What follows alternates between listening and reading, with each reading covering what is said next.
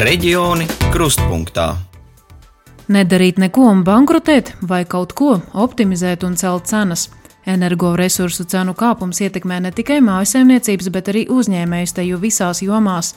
Katram situācija, protams, atšķirīga. Kāds patērē vairāk elektrību, cits gāzi, vēl kādu ietekmē arī cita veida kurināmā izmaksu pieaugums.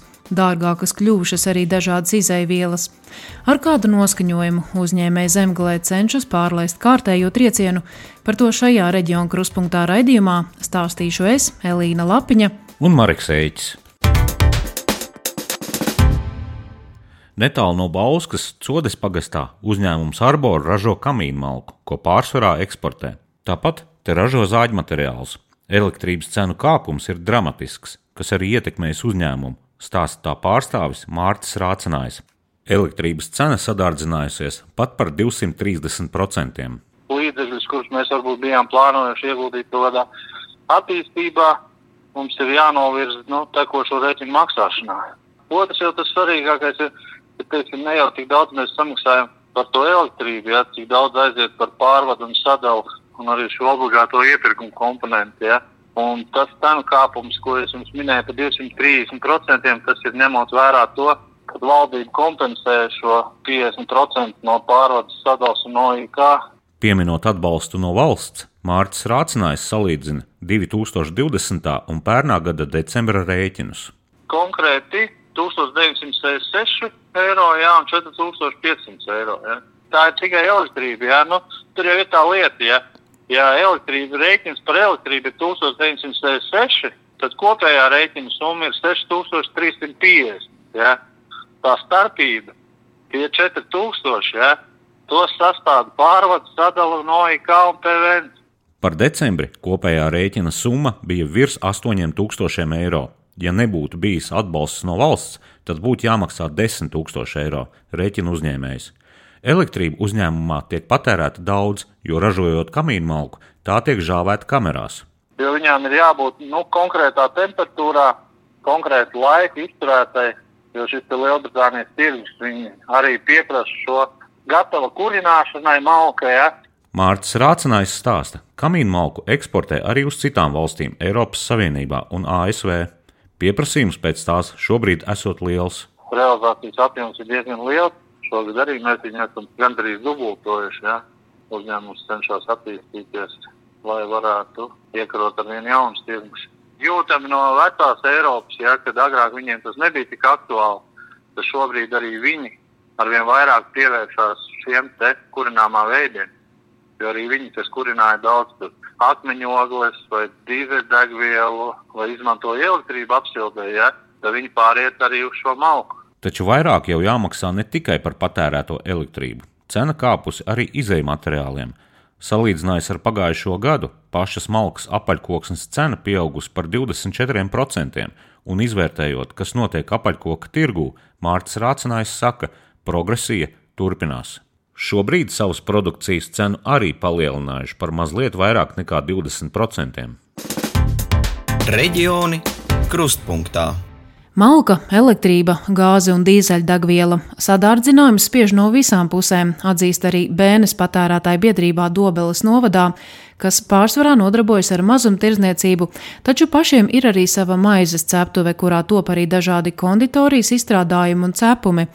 Rudenī jau pamatīgs trieciens bijis bāzes izēvielu miltu sadārdzināšanās. Pēc tam eļļas, cukurs un citu, tagad nākamais, stāsta bērnas patērētāju biedrības valdes priekšādātājs Grigorijs Sidorčiks.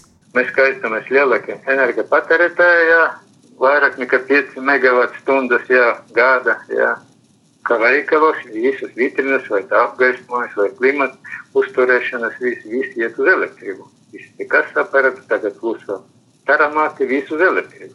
Mežonīgi rēķini. No kopumā 30 veikaliem lielākā daļa tiek apkurināta ar gāzi, pārējie ar malku, arī ceptuve, bet pašā maizes un konditorijas izstrādājuma ražošanas procesā krāsnes darbojas ar dīzeļdegvielu. Nu, nevar to uzreiz tik apkurē pārveidot jā, par kaut kādu citu, bet nav alternatīva. Ja. Sievišķi mazas tematus, viņa visas centralizētu katlu mājā likvidēt. Viņa nav. Paldies Dievam, pagājušajā gadā mēs ar lielu kompāniju vairāk gadi sadarbojamies, dabūjām malka bija pa, pa vecu cenu, kubika nesastrādāta atvesta, jā, tas 3 metrīga.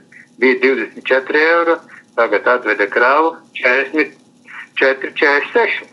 Pagaidām citu kurnāmo, uz ko pāriet, lai mazinātu izmaksas, Grigorijs Sidorčiks nesaredz.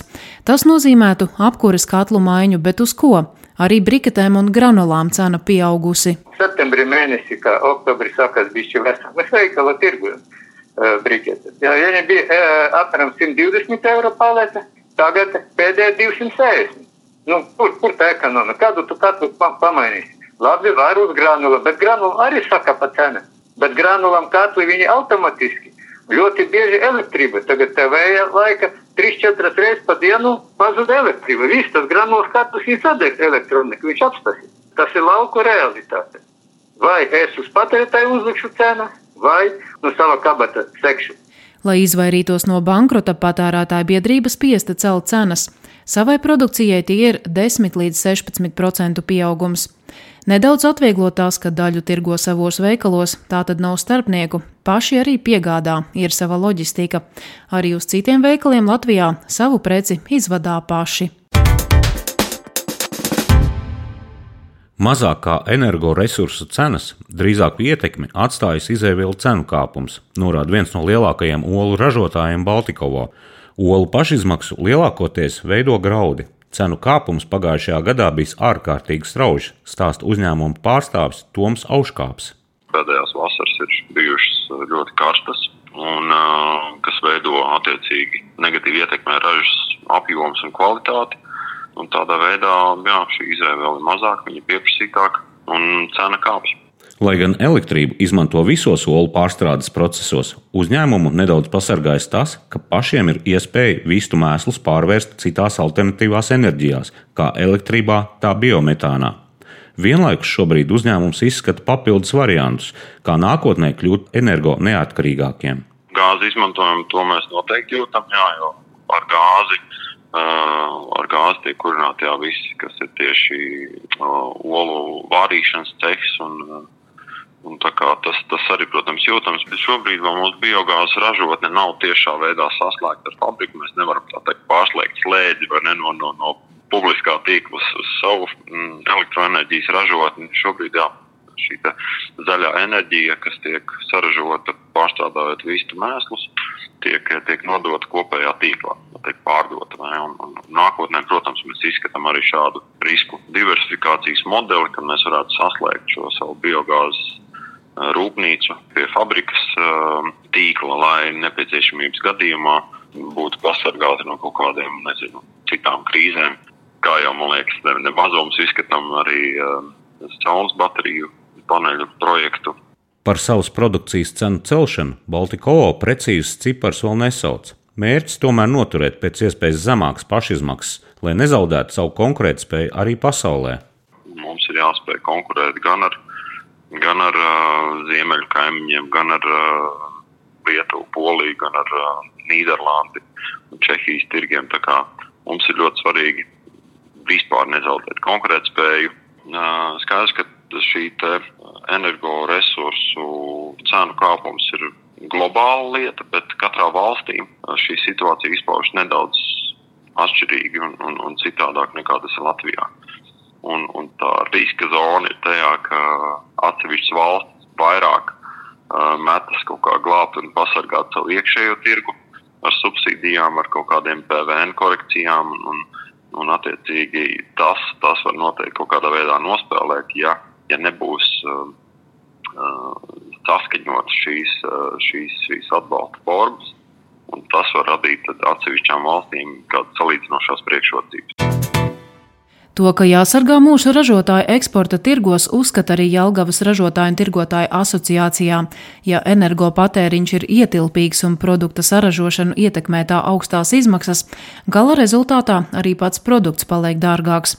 Un ja citās valstīs cena ir zemāka, tad arī gala produkta cena tāda varētu būt, norāda asociācijas valdes priekšādātājs Imants Kānaška. Skatoties, protams, cik šis produkts ir unikāls, bet ja ir, teiksim, šo produktu piedāvā gan mūsu uzņēmumi, gan arī varbūt uzņēmumi no citām valstīm, tad gala pircējs izvēlēsies tur, kur pie vienādas, pie labas kvalitātes, izvēlēsies tur, kur cena, protams, būs zemāka. Situācija katram uzņēmumam, protams, ir atšķirīga, cik tas liels un attiecīgi kādu energoresursu patērē vairāk, no kā to saņem un par kādu cenu.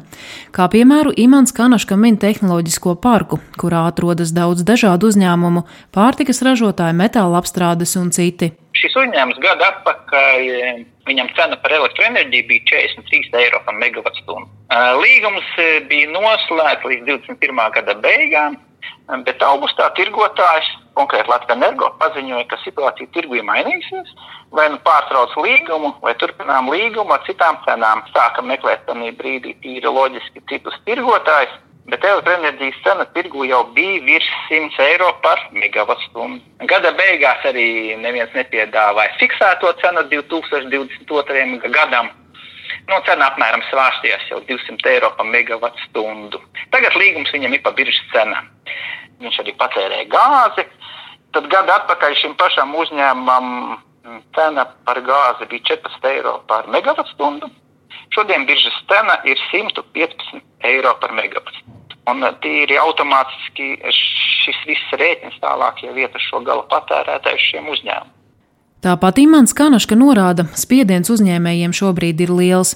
Un tā kā Jelgavas ražotāju un tirgotāju asociācija ir arī Latvijas Tirzniecības un Rūpniecības kameras kolektīvais biedrs, arī Latvijas darba devēja konfederācijas pie risinājumiem un priekšlikumiem valdībai strādā kopīgi. Reģioni krustpunktā. Būtiski elektroenerģijas cenu kāpumu izjūt arī sporta bāzes, sevišķi ledus halles, kas starp sporta būvēm ir visenergoietilpīgākās. Jālgavas ledus sporta skolas un hokeja kluba Zemgala direktors Aivars Zeltiņš stāsta, gāzes cena pieaugusi pat trīs reizes, bet elektrības cena vairāk nekā divas reizes. Te visvairāk tiek patērēta elektrība. Elektrība, protams, un arī pie lielas noslodzes, izmantojot daudz dušas, respektīvi, ja no daudz treniņu notiek arī, protams, gāzes, kas tiek izmantotas kā apkurs veids. Tāpēc arī mēs šobrīd skatāmies šo iespēju varbūt pāriet uz šķeldes apkuri. Bet, protams, tas ir gan ietilpīgs laika ziņā, gan arī tādā naudas izpratnē, lai pārbūvētu visu šo apkursu sistēmu. Bet nu, katrā ziņā elektrība paša pamats, lai tiktu sasaldēts ledus.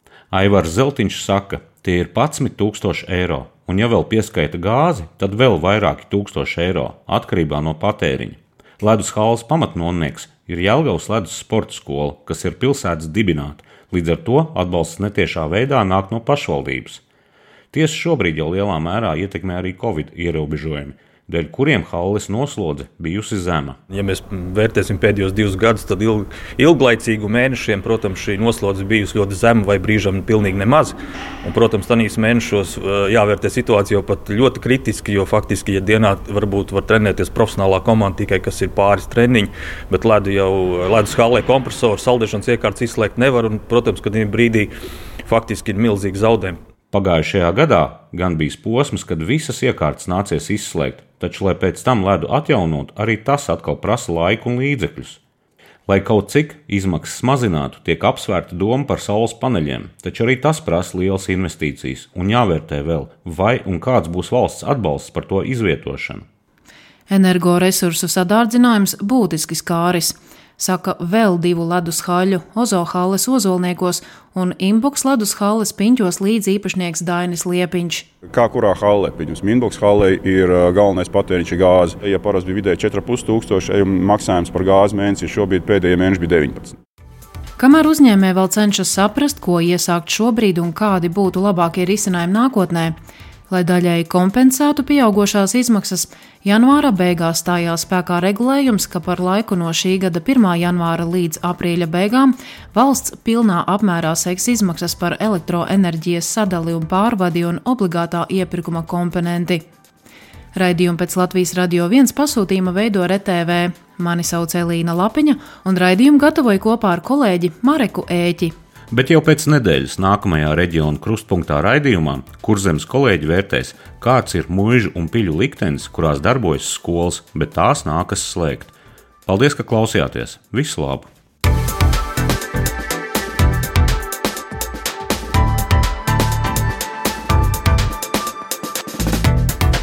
Reģioni krustpunktā.